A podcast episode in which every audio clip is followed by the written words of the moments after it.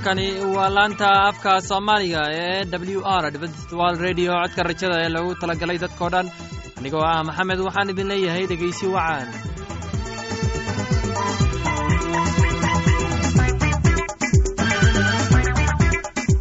barnaamijyadeena maanta waa laba qaybood. Qaybta koowaad waxaad ku maqli doontaan barnaamijka nolosha qoyska. Oo inoo soo jeedinaya dalmar. Kadib waxaa inoo raacaya cashar inaga imaanaya bugga nolosha. Oo inoo soo jeedinaya cabdi maxamed. Labadaasi barnaamij ee xiisaha leh waxaa inoo dheer heese daabacsan oo aynu idiin soo xulinay kuwaas aynu filayno inaad ka heli doontaan. Dhegeystayaasheenna qiimaha iyo khadradda laho waxaynu kaa codsanaynaa inaad barnaamijkeenna si haboon u dhegeysataan haddii aad wax su'aalaha qabto ama aad haysid wax talo ama tusaale fadlan inala soo xiriir dib ayaynu kaaga sheegi doonaa ciwaankeenna bal intaynan u guda galin barnaamijyadeena xiisaha leh waxaad marka hore ku soo dhowaataan hees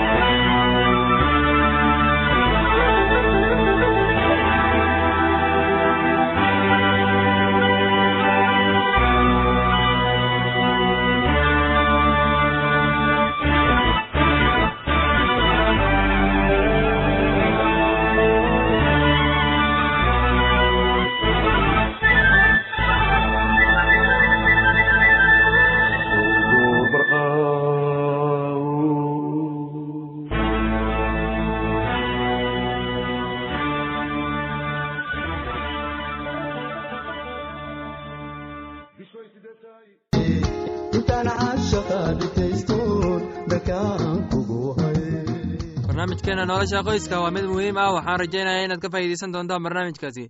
Barnaamijku wuxuu ka hadli doonaa sida ay arrimuhu hooyada u quseeyaan. Qaybta labaad waxaana inoo soo jeedinaya dalmar ee dhegeysi wacaan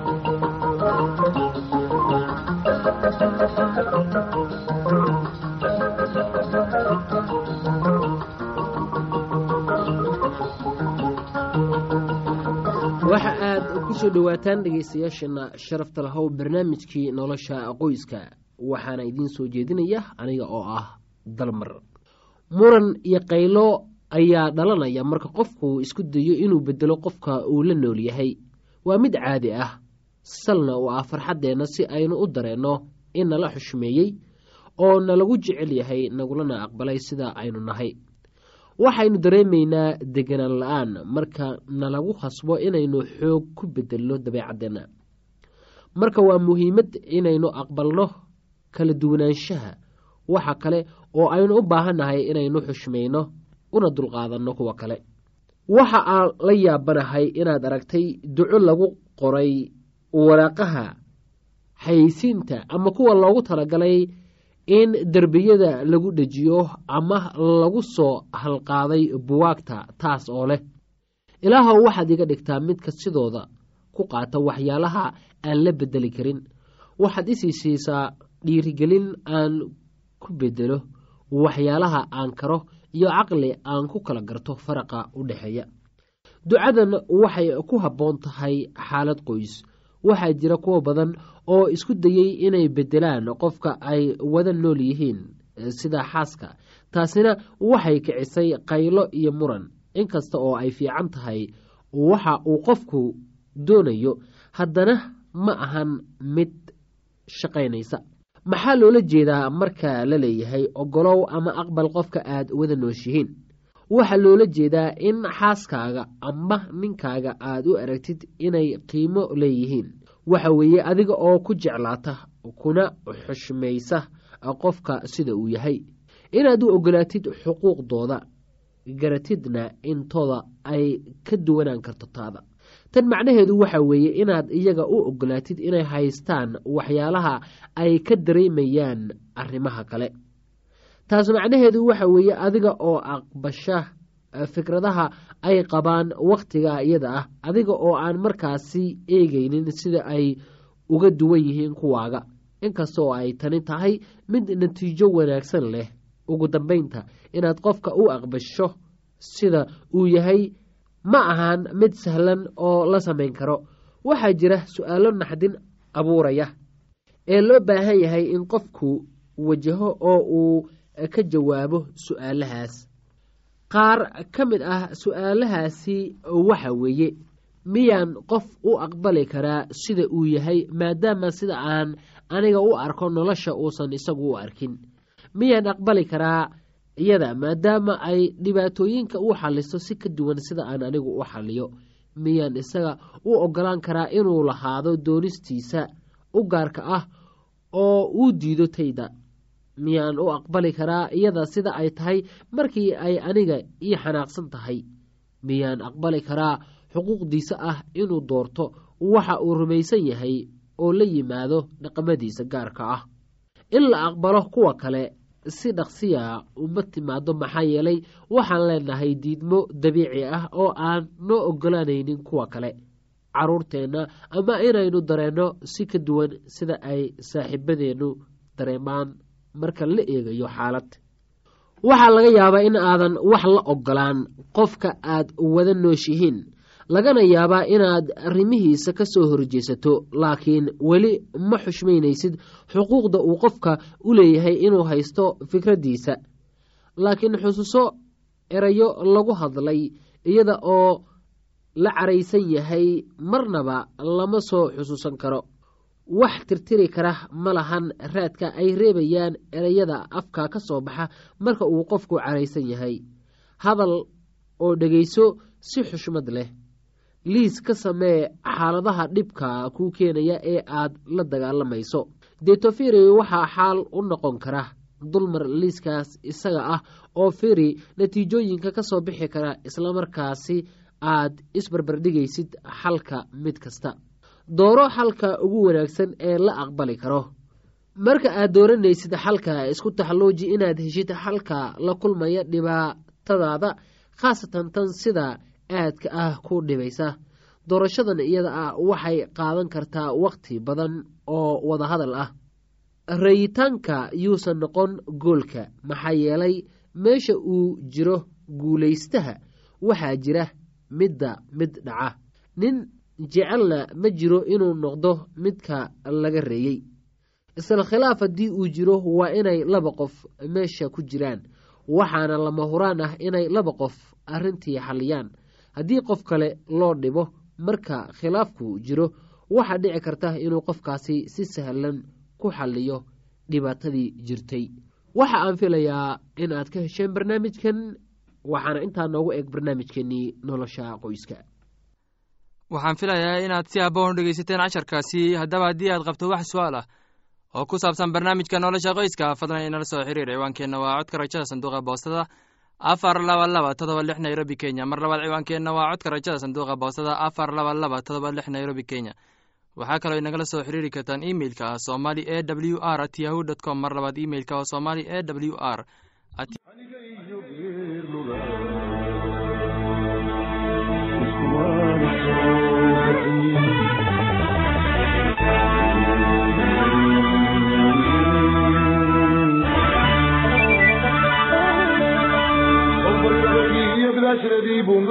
bundraayarte beledi weyn ku taale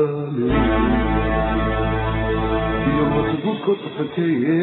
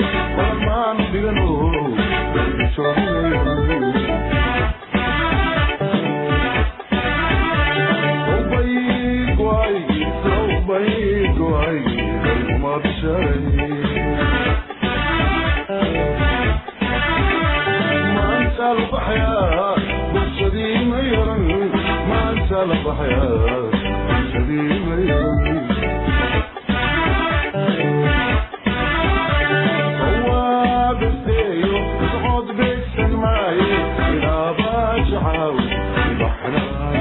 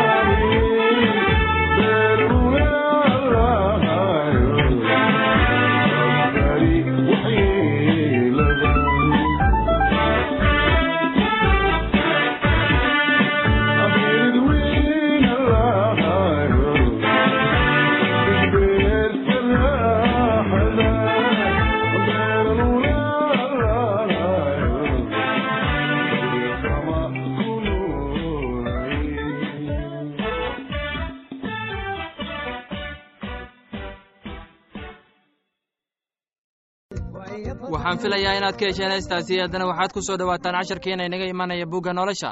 Casharkeenna wuxuu ku saabsan yahay qisadii bawlos waxaana inoo soo jeedinaya cabdi maxamed ee dhegeysi wacaan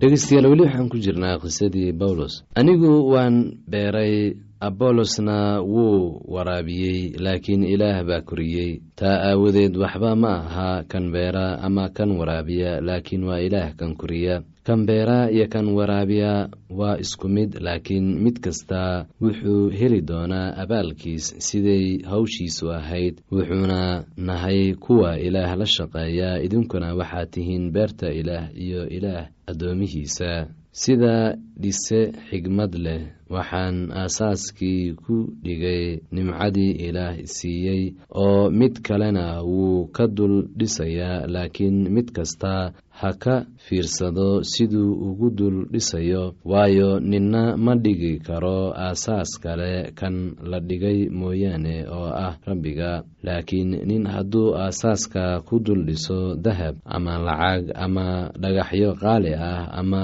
qoryo ama caws ama bal nin kasta shuqulkiisa ayuu la muujin doonaa. Waayo maalintu way caddayn doontaa maxaa yeelay dad baa lagu muujiyaa. Waayo nin kasta shuqulkiisa caynkuu yahay dadka ayaa tijaabin doonaa nin uun haddii shuqulkiisu ku dul dhisan yahay haddaba abaal buu heli doonaa laakiin nin uun haddii shuqulkiisu gubto wuu khasaari doonaa isagoo qudhiisu wuu badbaadi doonaa laakiin sidii wax dab laga soo baxshay oo kaluu badbaadi doonaa miyaanaydin garanaynin inaad tihiin macbudkii ilaah oo uu ruuxa ilaah idinku jiro nin uuni haddii macbuudka ilaah qaribo isaga ilaah baa qaribi doonaa waayo macbuudkii ilaah waa quduus kaad idinku tihiin. Ninna yuusan isqiyaanayn haddii nin dhexdiinna jooga uu u malaynayo inuu wakhtigan xigmad leeyahay doqon ha noqdo si uu xigmad u yeesho. Waayo xigmadda dunidan doqonnimay la tahay ilaah. Waayo waxaa qoran isagu kuwa xigmad leh ayuu khiyaanadooda ku qabtaa oo haddana rabbigu waa garanayaa tashiyada kuwa xigmadda leh inay waxba tarin oo haddaba iska ilaaliya qayaamooyinka caynkaas oo kale ah oo haddana rabbiga wuxuu garanayaa tashiyada kuwa xigmadda leh inay waxba tarin. Taa aawadeed ninna yaanu dadka ku faanin waayo wax walba idinkaa leh. Ha ahaadeen ama bawlos ama abolos ama fekyas ama dunida ama nolosha ama dhimashada ama waxyaalaha haatan jooga ama waxyaalaha iman doona dhammaan idinkaa leh idinkana kuwa baad tihiin. Ha nalagu tiriyo inaanu nahay mididinta iyo wakiilnimada waxyaalaha qarsoon ee ilaah. Haddana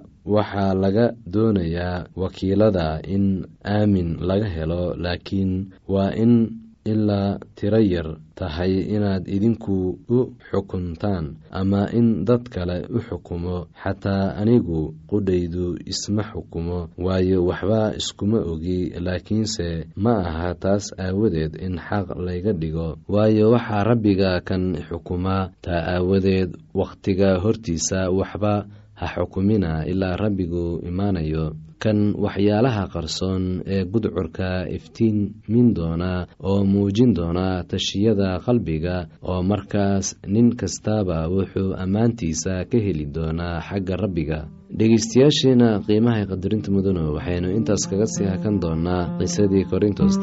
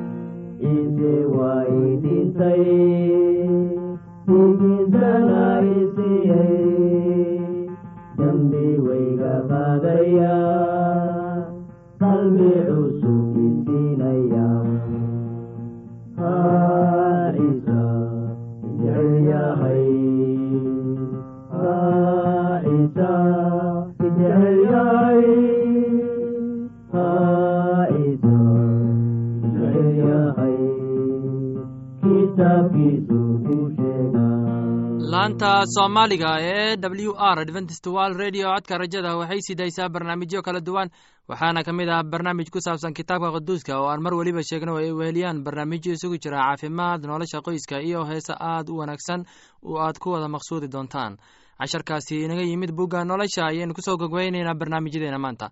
Halkaad inagala socoteen waa laanta afka soomaaliga ee codka rajada ee lagu talagalay dadkao dhan haddaba haddii aad doonayso inaad wax ka korsato barnaamijka caafimaadka barnaamijka nolosha qoyska ama aad doonayso inaad wax ka barato bugga nolosha fadlan inala soo xiriir ciwaankeenna waa codka rajada sanduuqa boostada afar laba laba todoba lix nairobi kenya. Mar labaad ciwaankeenna waa codka rajada sanduuqa boostada afar laba laba lix todoba nairobi kenya. Waxaa kaloo inagala soo xiriiri kartaan emeilka somali e w r at yahu dt com. Mar labaad emeilku waa somali e w r at yahu dt com dhegeystayaasheenna qiimaha iyo khadradda lahow meel kasta aad joogtaan. Intaa mar kale hawada dib ugu kulmayno. Anigoo ah maxamed waxaan idin leeyahay sidaas iyo nabadgel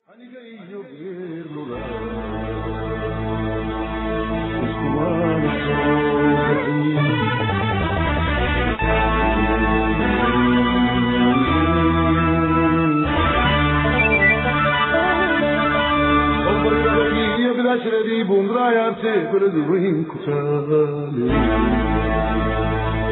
iyo masugudkood qafanteeyeeda